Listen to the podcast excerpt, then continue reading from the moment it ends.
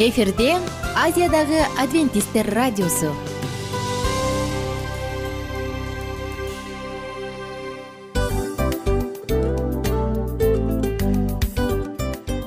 Достор салют. Баардык сүйүктүү угармандарыбызга салам айтабыз. Кутман күнүңүздөр менен.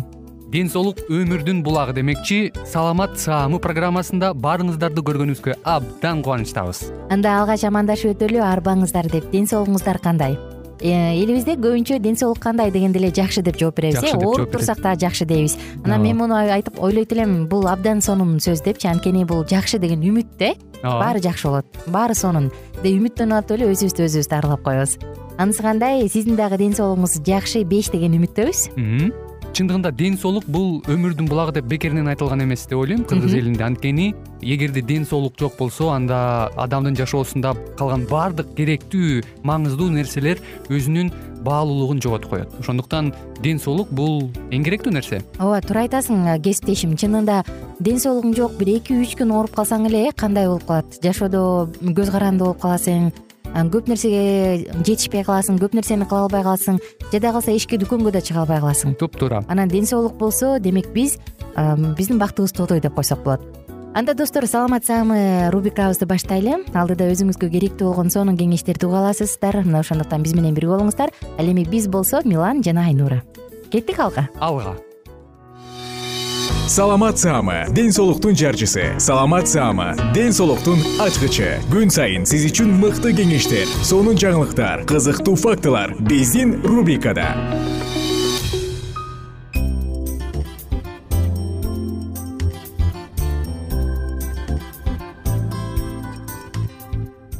Салют достор! Жалпы угармандарыбызга сагынычтуу салам. Кайрадан саламат саама рубрикасында кариести алдын алуу жөнүндө сүйлөшөлү деп турабыз тыңдап жатканыңыз эң сонун ден соолукка кам көрүүчү жана сиздин келечегиңиз үчүн кам көрүүчү саламаттуу дене деп аталган цикл. Эмесе достор кариес деген сөздү укканда эле бизде кандай ассоциация пайда болот? Көпчүлүк үчүн бул коркунучтуу э балдарды коркутат а кимдир бирөө үчүн эми кариес болуптур эми болуптур деп коет. Бирок негизгиси кариести эмнеси менен коркунучтуу экенин кененирээк сөз кыла турган болсок. Достор эң эле кеңири таркалган бул кариес менен сезгенүү же суук тийүү оорулары. Бирок капа болбоңуз анткени биз сизди бүгүн коркуталы же капа кылалы деген жокпуз. Тескерисинче кариести же болбосо тиштеги курттун баардыгын алдын алсак болот деп сөз айтып жана кубандыргыбыз келип турат. Кариес жөнүндө алдын алуу жөнүндө анда кененирээк айтып берели ооз көңдөйүбүздө толтура бактериялар бар. Биздин тиштерибизде бүлөдө тилде жана ооз көңдөйүнүн башка жерлеринде дагы жүздөгөн түрлөр бар. Бирок алардын кээ бирлери кариести пайда кылуучу бактериялар сыяктуу зыяндуу болот. Бир күн ичинде бактериялардын ортосунда катуу согуш жүрөт экен элестетиңиз. Командалардын бир жагында тиштеги таштар бактериялардын турган былжырак түссүз пленка сахар крахмал бар азыктардан суусундуктардан калган бактериялар бул сүт нан печенье мымпосуй болушу мүмкүн. Курамында сахар же крахмал бар азыктарды жеген сайын бактериялар аларды кычкылдыкты көбөйтүү үчүн пайдаланып келишет. Анан ошол кислоталар тиштин үстүнө же эмальга отурукташат. Ал эми экинчи командада бул шилекейибиздеги минералдар. Ооба мен да шилекей жутуп атпаймынбы? Дал ушул шилекейдеги минералдар. Кальций фосфат сыяктуу минералдар. Тиш пастасынан суу жана башка булактардан алынган фторид бул команда кислотанын атакасы учурунда жабыркаган эмальдардын минералдарын алмаштырып ремонт жасап турат. Караңызчы канчалык керемет. Биздин тиштерибиз күнүгө ушундай процессти башынан өткөргөнү турат. Тиштин катуу ткандарында жоготуу жана калыбына келүү процесси үзгүлтүксүз жүрөт. Бирок тиштер кислотага улам кабыла бергенде мисалы крахмал жана сахар камтылган азыктарды көп жеген сайын кислота эмальга улам улам атака жасайт анын натыйжасында алар минералдарды жогорута берет. Ошондо тиште ак тактар же деминерализация пайда болот. Демек тиштин ошол жеринде минералдар түгөндү. Бул тиште мезгилсиз кариестин пайда болушунан кабар берет. Кариести пайда болуу процессин жаңыдан башталганда башынан эле алдын алып койсо болорун баса белгилей кетели. Эмаль өзүн тиш пастасынан же башка булактардан алынган фтордун шилекейдин жардамы менен өзүнүн калыбына келтире алат бирок тиштердеги микроэлементтерди тазалап салуу улана берсе анда эмаль бошойт жана бузулат. Дагы кара так пайда болот. Баса кара өң өлүк ткань жөнүндө күбөлөндүрөт тиште кара өң пайда болдубу демек ткань өлгөн. Андан сырткары парадонтит жана башка ооздон жагымсыз жыт чыгып башка инфекциялар дагы пайда болушу ыктымал. Ооздогу микрофлоранын өзгөрүшүнүн себеби эмнеде? Көрсө тамак ашкана анын себеби эмес экен мындай көйгөй ооз көңдөйүнүн начар гигиенасынан антибиотиктерди туура эмес пайдалангандыктан чылым чегүүдөн жаракаттардан тытылган тактардан же былжырдагы язвалардан улам болушу мүмкүн. Ал эмес оозду антисептикалык каражаттар менен тез тез чайкоо дагы ооздогу микрофлолардын өзгөрүүсүнө алып келет. Эмесе анда кариести кантип алдын алса болот. Биринчиден тишти туруктуу жууңуз тамактангандан кийин күнүнө эки жолу уктаар алдында жууңуз ар кандай багытта тиш отканы кыймылдатыңыз. Экинчиден тиштердин арасындагы тамактардын калдыгын тазалаш үчүн атайы жип жипчелерин колдонуңуз. Үчүнчүдөн фтор профилактика жасаңыз. Фтор кариести күчөтпөй туруучу химиялык элемент. Фтор тишти коргош үчүн иштейт. Тиштин эмалындагы минералдарды жоготпогондукко жардам берет. Ал эми жоголгон минералдарды алмаштырат. Ошондой эле бактериялардын кислотасын дагы көбөйтүү жөндөмүн төмөндөтөт сиз фторидти фтордошкон суудан же тиш пастасынан ала аласыз. Ошондой эле тишке реминерализацияланган гель же лакты сүйкөө дагы жардам берет. Же болбосо курамында фтор бар таблетка ичиңиз же фторид менен ооз чайкаңыз. Жогоруда сыналгандардан тышкары чийки азык түлүктөрдөн дагы жеңиз. Алар бир күндүк күлүшүңүздүн элүү пайызын түзүшү шарт ошондой эле достор кока кола жана башка ушул сыяктуу таттуу суусундуктарды кыскартыңыз же таптакыр алардан баш тартыңыз. Жана акыркы кеңеш стоматологко дайым барып туруңуз. Стоматологко барып тиштерди тазалоо жолу менен дагы кариести алдын алса болот. Мисалы тиштерге герметик тактыруу жолу менен. Герметик бул тиштин чайноочу үстүңкү бөлүгүн жаап микробтор кире албаган структураны түзөт. Анткени дал ушул фиссураларда чайноочу дөңчөлөрдө оорутуучу микробтордун максималдуу саны топтолот. Мындай жерлер өтө эле алсыз. Ошол эле учурда герметик кийгизүү оорутпайт. Эч кандай оорусунууну пайда кылбайт. Герметик лакка окшош келет. Аны тишке сыйпар менен катып пленкадай болуп калат герметикти көбүнчө кариестин пайда болуусун алдын алыш үчүн дагы сүйкөшөт. Тиш пастасынан жана ичкен суудагы фтор албетте тиштин жылмакай катмарын коргойт бирок кээ бир учурларда тиш кошумча коргоого дагы муктаж. Өзгөчө мындай процедураны сүт тиши жаңыдан түшүп жаңы тиштер чыгып жаткан балдарга жасоо сунушталат анткени балдар эмне кылат? Жалкоолонот тиш чугузгусу келбейт.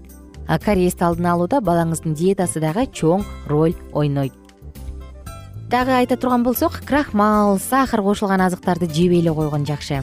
Анткени булар ингредиенттерди өсүш үчүн пайдаланат дагы ооздогу гигиенаны ого бетер начарлатат. Кислоталар тиштин эмалин жеп кариес пайда болуу коркунучу өсөт. Биздин шилекей ушул кислота атакасы менен күрөшө алат. Эгер биз бир күн ичинде тез тез тамактанып курамында сахар крахмал бар азыктарды көп жесек минералдар жоголот натыйжада кариес пайда болот. Ошондуктан тамактануунун ортосунда убакыт өтсүн. Улам бир нерсени оозго сала бербеңиз. Момпо суу газдалган суусундуктарды печенье өзгөчө бир өзгөчө учур үчүн сактап коюңуз анын баарын. Жемиштин ширелерин чектеңиз. Уктаар алдында тиш жуугандан кийин сахары бар бир нерселерди жебеңиз. Уктап жатканда шилекей азаят шилекей аз болгон кезде тиштер өздөрүн кислотанын атакасынан анча коргой алышпайт мына достор бүгүнкү уктуруубуздун дагы соңуна чыгып калдык.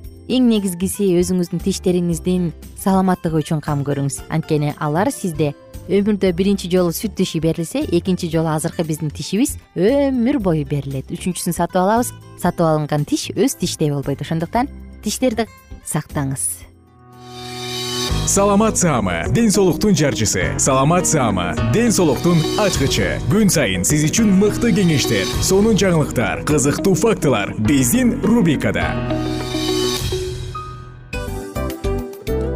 Салют замандаштар баарыңыздарга ысык салам. Дил маек программабызга кош келиңиздер. Дил маек рубрикасы дегенде эле бул эмне болгон дил маек? Ким менен маектешебиз деп сурайт болуш керек угармандарыбыз бул рубриканы кыскача тааныштыра кете турган болсок ар тарап кесип ээлеринен болгон сонун интервью кеңештер бар. Ооба. жылдыздар менен болгон маек бар. Аталарыбыздын агаларыбыздын чоң аталарыбыздан сонун кеңештер бар. Ошондой эле эже сиңдилердин кеңештери бар айтор. Баардык кызыктардын баары алдыда. Негизи эле адам баласы бир кимдир бирөөнө ишенип сырын ачкысы келет эмеспи э мындай баарлашууга жакын келебиз го. Албетте. Негизи бир жерге отуруп алып кенен шашпай баягы жүрөктөн жүрөккө ачып сырларыбызды ар кандай көйгөйлөрүбүз менен бөлүшүп баягы чын жүрөктөн маек курганды кимибиз сүйбөйбүз э? Ооба десең ал нерсеге суусап да келебиз да. Ооба кээ бирде адамга чындыгында баягы э, ысык маек баягы жылуу маек жетишпейт да. Ошондуктан биз ушул рубриканы ойлоп тапканыбызда эң биринчи эле достор сиздер менен чын жүрөктөн бир маңыздуу темаларды козгоп кеткени э, кааладык. Ошондуктан ушундай сонун бир рубриканы тартуулап жатабыз. Анын үстүнө радио дагы сонун дос да анткени э, мындай учурда досуңа айтсаң досуң досуна айтат досу досуна айтат да анан бүт өлкө билип калышы мүмкүн го. А радио болсо сени сатпаган сенин айыбыңды ачпаган сенин сырыңды эч кимге айтпаган сонун дос ошондуктан биздин алдыдагы айта турган кеңештерибизди биздин досторубуздун кеңештерин угуп анан ал жака пикириңизди дагы калтырып кайрадан биз менен байланышсаңыздар болот. Деги эле жашооңузга эгерде кичине болсо дагы өзгөрүү алып моралдык жактан моралдык жактан сонун бир кеңештерди алсаңыз демек биз максатыбызга жеттик. Ооба. Чыңгыз атабыз улуу жазуучу э, чыңгыз айтматов айткандай адам болуу бул күнүмдүк процесс экен. Күн сайын адам бойдон калуу бул адамзатка эң эле кыйын дейт э? э эң кыйын дейт. Чындыгында бунун э, негизинде адамдын эң баягы сапаттуулугу адамдын адамгерчилиги жана көптөгөн керектүү нерселер мына ошол темалар дагы бизде ушул дил маекте биз аларды да козгойбуз. Ден соолук жөнүндө да сүйлөшөбүз. Сөзсүз түрдө анан милан мырза негизи айтып коюшат го. Биз көбүнчө эмнени ойлонсок? Ошол нерсеге карата иш кылабыз го. Ооба. Анан анысы кандай? Балким бул радио баракчада кимдир бирөөнүн оюн текшергенге жардам берет кимдир бирөөнүн жүрөгүн текшергенге жардам берет. Балким кимдир бирөөгө жашоонун маңызын тапканга жардам берет айтор кызыктын баары алдыда бул жөн гана кыскача жарнама анда угармандарыбыздын баардыгын кийинки рубрикабызга чакырабыз. Ал эми кызматта маңдайымда отурган кесиптешим милан жана мен айнура. Анда эмесе биз даярдаган терең терең ойлор менен таанышууга кеттик. Алыс алыс баралык анда эмесе достор биз менен бирге болуңуздар. Алдыда эң кызыктуу маалыматтардын баардыгы бир нече мүнөттөр бою жалгыз гана сизге арналат. Мына ошондуктан жакшы маанай менен угууну каалайбыз. Үн алышканча. Жөнөдүк. Ар түрдүү ардактуу кесип ээлеринен алтын сөздөр жүрөк ачышкан сыр чачышкан сонун маек дил маек рубрикасында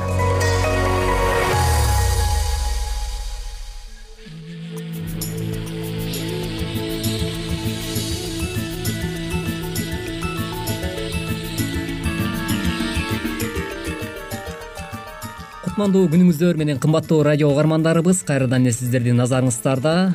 Бактылуу никенин баалуу эрежелери аттуу берүүбүздө кездешип жатканыбызга өтө кубанычтабыз. Бүгүнкү программабыздын чыгарылышында өткөн берүүбүздү эске сала кетсек биз дал ошол никелик жашоодо жубайлардын ортосундагы бири бирине карата болгон мамиле туурасында кеп кылганбыз. Бүгүнкү уктуруубузда дале дал ушул жаатта маегибизди улантмакчыбыз. Андыктан э, биздин ободон алыстабай биз менен биргеликте болуңуздар программабызды баштаардан мурда мен силер менен бир окуя менен бөлүшүп кетким келет. Бир киши өзүнүн акылдуу сулуу үй иштерин жакшы аткарган бирок аны сындап куулук менен башкарган аялын таштап анча сулуу эмес бузулган жана өзүнөн улуу болгон аялга кетип калат. Себеби ал аял ага көбүрөөк көңүл бөлүп жана анын табигый таланттарына суктанып турчу экен. Анын жанында ал өзүн чыныгы эркек сезчү экен ал эми өзүнүн аялына аны кайтарып алыш үчүн ал эми өзүнүн аялына аны кайтарып алыш үчүн көп эмгек талап кылынганы туура келген. Айрыкча өзү өзгөрүш керек болгон албетте мындай көрүнүштөр э, жашоодо кездешет. Себеп дегенде кээ бир үй бүлөлөрдө дагы дал ушинтип өзүнүн жубайын барктабастан ушинтип адашууга дуушар болуп калган дагы мырзалар бар эмес. Андыктан баягы убакыт сааты келгенде аттиң ай деп өкүнүп анан э, өзүмдүн жубайыман эле өтөрү жок экен деп кайрадан өкүттө калып калган дагы албетте бул өкүнүчтүү жагдай болуш керек. Андыктан мындай терс э, сапаттардан жана көрүнүштөрдөн оолак бололу деп баардык эле мырзаларга оюбузду айтуу менен биргеликте сапарыбызды уланта бермекчибиз дагы бир кызыктуу нерсе. Эркек киши эркиндикке муктаж болот экен.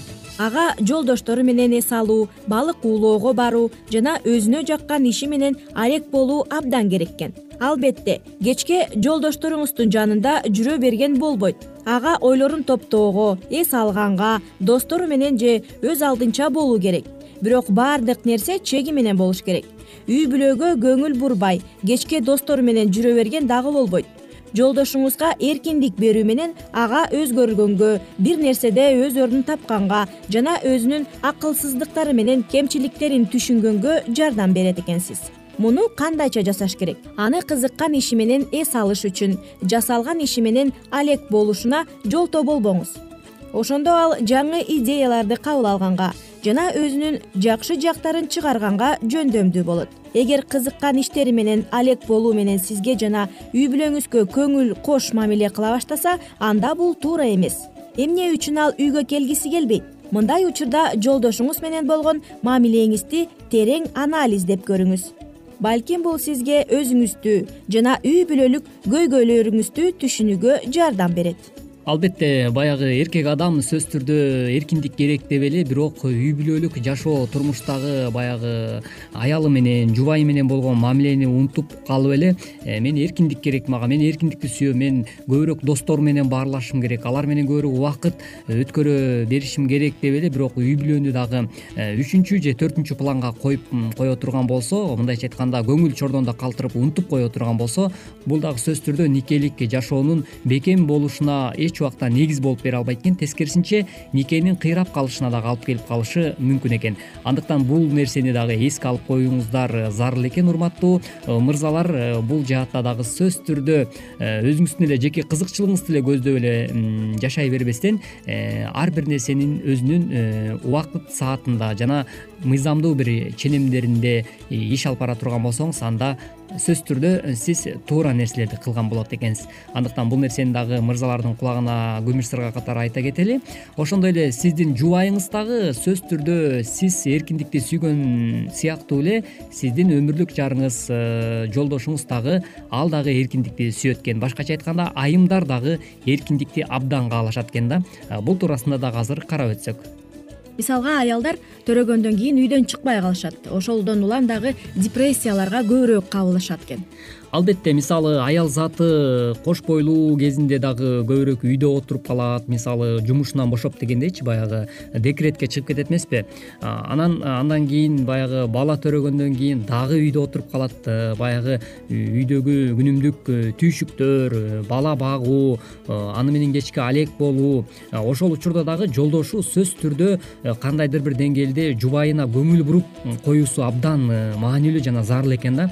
Такыр эле көңүл бурбастан өзүнүн жумушу менен алек болуп кайра келип эле баягы жубайына ой тамак даярбы э, тиги бул э, кийим кечем даярбы деп эле келип кетип келип кетип эле ушундай үй бүлөдө ушундай жашоо болуп калса бул да албетте э, аял затынын көңүл чөгүүсүнө ошол эле учурда депрессияга түшүп кетүүсүнө алып келип калышы толугу менен мүмкүн. Себеп дегенде эгерде сенин ошол өмүрлүк жарың бүгүн эртеден кечке чейин эмне менен алек болдуң балдарды кандай балдар менен болуп аткан убакытта кандай кыйынчылыктар болду ушул туурасында сурап жок дегенде э, анын көңүлүн табыш үчүн э, мүмкүн үйгө келген учурда кандайдыр бир убакыт таба калып э, балдардын жалаа аягын жуушун ийсе же болбосо идиш аяктарды жууп койсо бул дагы аял затына өтө бир чоң жардам болуп саналат экен да. Такыр эле көңүл бурбастан өзүңдүн ишиң менен эле өзүң алек болуп калсаң анда бул дагы никелик жашоонун урашына дагы алып келип калышы мүмкүн да. Себеп дегенде эгерде кечке эле баардык жүктү аял затына мырзалар оодарып койгон болсо анда бул чоң катастрофага алып келет экен албетте мисалга э, бир күндө бир жарым саат же бир саат аялы өзү менен өзү отуруп чай ичип же кофе ичип же жөн эле эшикке чыгып сейилдеп келсе дагы эң туура болчудай сөзсүз түрдө мисалы жылуу кийинип алып балким суук учурда э же болбосо жайдын күнү жакшынакай сейил бактарга барып эс алып ошол эле бир убакыттарды чогуу э, биргеликте өткөрө турган болсоңуздар анда сиздердин никелик жашооңуздарды бекемдегенге эң жакшы бир шарт болуп бере алат экен да. Мисалы жөнөкөй эле нерсе эгерде сиз э, финансы жагынан муктаж болуп турган болсоңуз анда жөнөкөй эле үй шартында жогоруда кесиптешим айткандай эле мүмкүн чай үстүндө баарлашуу ошол эле учурда бири бириңер менен жакшы бир окуяларды эстеп сүйлөшүү дагы бул дагы кандайдыр бир деңгээлде ушул аял затына карата болгон эркектин көңүл буруусу бул өтө чоң мааниге ээ экен да. Эгерде биз көңүл бурбай койсок анда э, аял заты сөзсүз түрдө чүнчүп кетет ал дагы мындайча айтканда бир адамдын сүйүүсүнө муктаж эмеспи уктуруубузга назар салганыңыздар үчүн ыраазычылык билгизүү менен биргеликте бүгүнкү программабыздын көшөгөсүн жапмакчыбыз эмки берүүдөн кайрадан эле дал ушул ободон үн алышканча аман болуңуздар ар түрдүү ардактуу кесип ээлеринен. Алтын сөздөр жүрөк ачышкан сыр чачышкан сонун маек. Дил маек рубрикасында.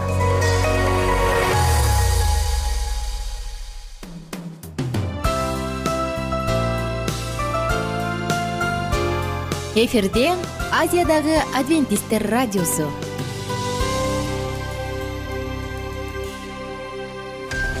жан дүйнөңдү байыткан жүрөгүңдү азыктанткан жашооңо маңыз тартуулаган жан азык рубрикасы.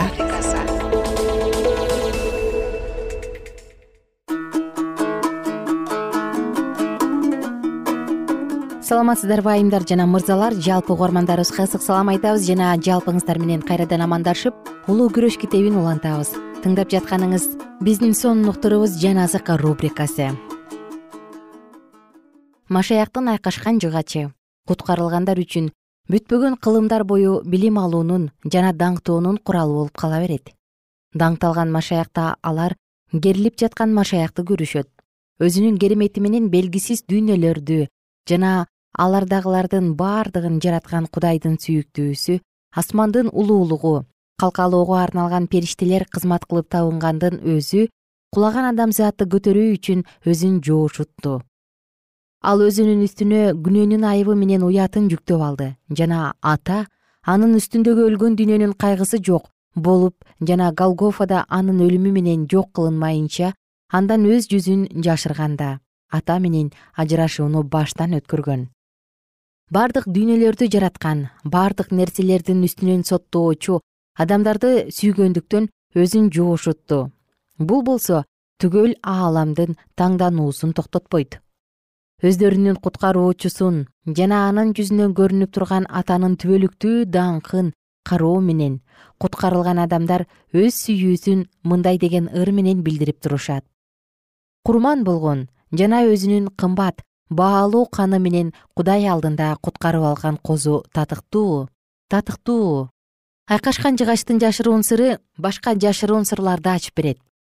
Голгофага негизделген теңирдин сапаттары башта биздин үрөйүбүздү учуруп биздин жүрөгүбүздү коркунучка салган болсо азыр өзүнүн бардык толуктугу жана сулуулугу менен көрүнөт. Ырайым мээрим жана ата мекендик сүйүү албетте ыйыктык адилеттүүлүк жана күч менен кошулат жана анын тактысынын улуулугуна көз чаптыруу менен теңирдин ырайымдуулугу кандай жогору көтөрүлгөндүгүн көрөбүз. Ошондо гана бизге биздин атабыз деп кайрылган сөздөрдүн мааниси түшүнүктүү болот. Өзүнүн даанышмандыгында чексиз болгондун өзү өз уулун курмандыкка бергенден башка куткарылуу болбой тургандыгынын сырын баары көрүшөт. Бул курмандыктын сыйлыгы жер үстүндө ыйыктардын бактылуулардын жана өлбөй турган жандардын жашап турганын көрүү. Биздин куткаруучубуздун жамандыктын күчү менен күрөшүүсүнүн жыйынтыгы кудайдын түбөлүктүү даңкындагы куткарылгандарга берилген кубаныч болуп саналат. Ар бир адамдын баалуулугу ушунчалык жогору. Ата өзү берген бааны анчалыктуу улуу деп эсептебейт жана машаяк өзү дагы өз уулуу курмандыгынын жемиштерине ыраазы болуу менен карайт. Кырк биринчи бап. Жердин ойрондолушу себеби анын күнөөлөрү асманга чейин жеткен жана кудай анын адилетсиз иштерин эске алды. Ал силерге шарап даярдаган аякка ал үчүн эки эсе көп даярдагыла. Себеби ал өз жүрөгүндө мындай деди. Мен падыша аял болуп олтурамын. Мен жесир эмесмин жана кайгы көрбөйм. Ошон үчүн анын үстүнө бир күнү балаалар өлүм ыйлоо ачарчылык келет. Ал шаар отко күйөт. Анткени аны соттогон кудай теңир кудуреттүү аны менен бирге бузукулук кылган жердин падышалары анын өрттөнгөн түтүнүн көргөндө ал жөнүндө боздоп ыйлашат. Алар анын кыйналганын көрүп коркуп алыста туруп мындай дешет. Кайгы кайгы сага улуу шаар бекем шаар вавилон. Себеби сенин сотуң бир сааттын ичинде келди аян китеби он сегизинчи бап он бешинчи онунчу аяттар жердеги көпөстөр анын шаңдуу дөөлөтүнө байып калышкан жана анын кыйналганын көрүшүп алыста коркуп турушат. Мындай дешет. Кайгы. Боз кендир кара кочкул тамылжыган кызыл кездеме кийинип алтын асыл таштар жана берме тагынган улуу шаар сага кайгы. Анткени бир саатта ушунчалык байлык жок болду. Кудайдын каары келген мезгилде вавилонду мына ушундай өкүм каптады бул бузулган шаар өз мыйзамсыздыгынын ченемин толтуруп алган жана анын убакыты келип ал кыйроо үчүн жетилип калган. Качан кудайдын үнү өз элин кулдуктан кайрылганда ким улуу өмүр күрөшүндө көп нерселерди жоготкон болсо алар үчүн чоң жандануу болду. Сынак мезгилинде алар шайтандын азгырууларына алданышып өз күнөөлүү өмүрүн акташкан байлар болсо өздөрүндөй болбой калган адамдардын алдында өз артыкчылыктары менен барктанышты. Бирок алар кудайдын мыйзамдарын бузуу менен өз байлыктарын топтошкон. Ач адамдарды тоюнтуу жылаңачты кийинтүү адилеттүүлүк менен иш кылуу жана ырайымдуу иштерди сүйүүнү өз милдетибиз деп баркка алышкан жок. Алар өздөрүн жогору көтөрүшүп жана өздөрү сыяктуу өлө турган адамдардан барктоо алууга аракеттенишкен эми болсо алар бардыгын жоготушту кедей жана алсыз болушту. Алардын даражасын көтөрө турган эч нерсе калган жок. Алар өз жаратуучусуна жагат деп жасашкан буркандарынын талкаланып жаткандыгын томсоруу менен карап көрүшөт. Өз өмүрлөрүн жердеги байлыктарга жана жыргалчылыктарга сатып жиберүү менен алар кудайдын чындыгында бай болууну каалашкан эмес жана жыйынтыгында толук жоготууга кабылышты. Алардын ички дүйнөсүнүн жыргалчылыктары кайгылуу эрменге айланды жана алардын бардык байлыктары гүл сыяктуу сапырылган. Бүт өмүрүндө чогулткан байлыктарынан көз ирмем убакытта ажырап калышты. Байлар өздөрүнүн талкаланган кооз имараттарынын шамалга гүлү менен сапырылган алтын жана күмүштөрүнүн алдында озондоп ыйлап жатышат. Жана өз жасаган буркандары менен бирге өздөрү дагы жок болуу керектигин сезишкенде гана өз ыйларын токтотушту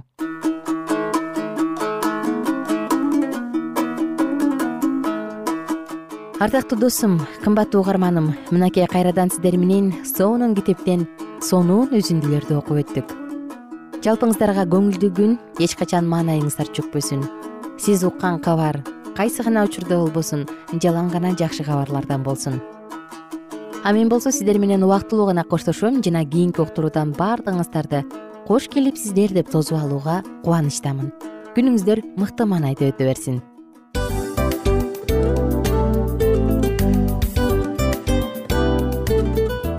Достор биздин радио баракчаларыбыз соңуна келди. Демек бул программабызды дагы жыйынтыктачу учур келдик. Учурга келдик. Анан кесиптешимден сурагым келип турат. Негизи эле иштин башталып атканы кубандырабы сени же жыйынтыгы кубандырабы албетте жыйынтыгы. Себеп дегенде сен кылган ишиңдин жыйынтыгын көрүп э, баягы мөмөсүн көрүп дегендей жыргайсың жүрөгүң жемишинен татып э кандай даамдуу деп. Баягы буудай сепкенде эмес буудай эгинди жыйнагандан кийин ысык нанды жегенде кадимкидей ырахаттанасың го. Ой айтпа туура айта кеттиңиз. Сонун салыштыруу болду анан мен дагы абдан кубанып турам. Анткени биз угармандарыбыз үчүн аябай эмгектенип келген уктуруубуздун соңуна келип калдык анан эми уктуруубуздун соңунда угармандар кандай пайда алып калды экен деп күтүп турам да. Балким э, менин жашоомо өзгөрүү киргизе турган сонун сөздөр болду. Мен ушул нерсени изилдеп анан кабыл албасам ушул нерсени кылбасам деген чечим чыгарсаңыз анда биз абдан кубанычтабыз. Сөзсүз түрдө. Андыктан кийинки биздин кызыктуу уктурууларыбыздан көрүшкөнчө сак саламатта калыңыздар. Чыдамсыздык менен сиздерди мен милан жана кесиптешим айнура күтөбүз баардык угармандарыбызга ийгиликтүү күн каалайбыз. Качан гана болбосун уртуңуздан жылмаюу кетпесин үйүңүздө көмүр жүрөгүңүздө көңүл болсун дейли